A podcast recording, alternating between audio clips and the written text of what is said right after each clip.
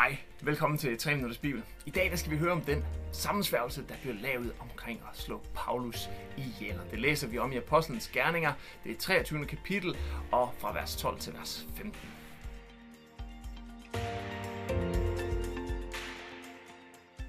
Sammensværgelsen mod Paulus.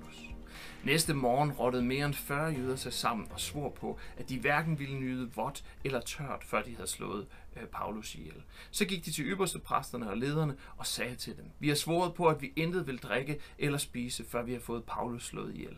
Derfor vil vi bede jer om at forklare kommandanten, at Paulus bliver nødt til at komme for rådet igen, så I kan forhøre jer nærmere om ham. Vi vil så ligge på lur og dræbe ham, før han når frem.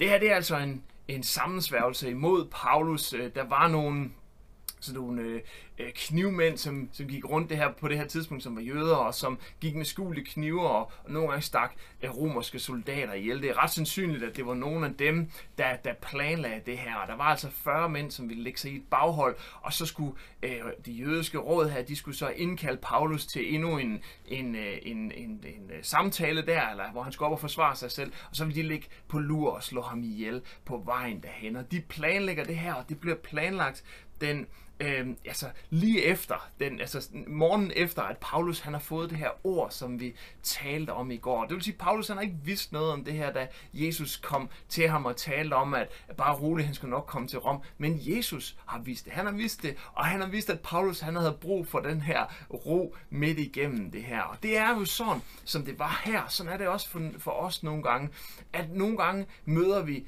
den slags modstand. Nogen, der simpelthen rotter sig sammen, uden det giver mening. Paulus øh, stod jo med, med for sandheden, altså, altså, når, når vi læser det her og ser det her.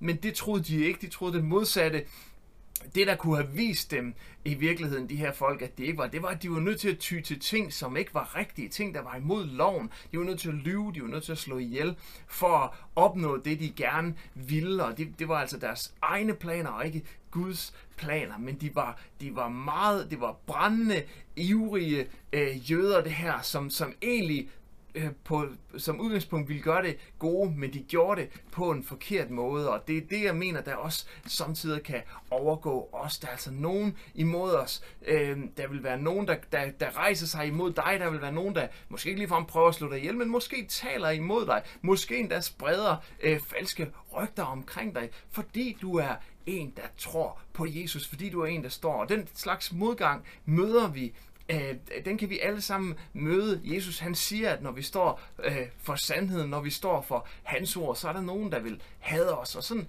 er det, det er vi lovet fra starten af. Men, men løftet, der går igen igennem det her, og som vi faktisk har brugt et par dage på nu, det er det her med, at han er med os, at vi kan være ved godt mod igennem det. Selvom det menneskeligt set ikke ser godt ud, når der er nogen, der prøver på at ramme os, så må vi ikke gå ned på samme niveau. Vi må ikke prøve på samme måde at ramme dem. Nej, vi må holde fast i sandheden. Vi må holde fast i Gud og holde fast i, at vi kan være ved godt mod, fordi det er ham, der fører os igennem. Vi må gøre de rigtige ting. Vi skal ikke bekymre os om resultatet. Det var i virkeligheden det, de gjorde her, øh, de her folk, der ville slå ham ihjel. De bekymrer sig om resultatet, ikke om at gøre det rigtige.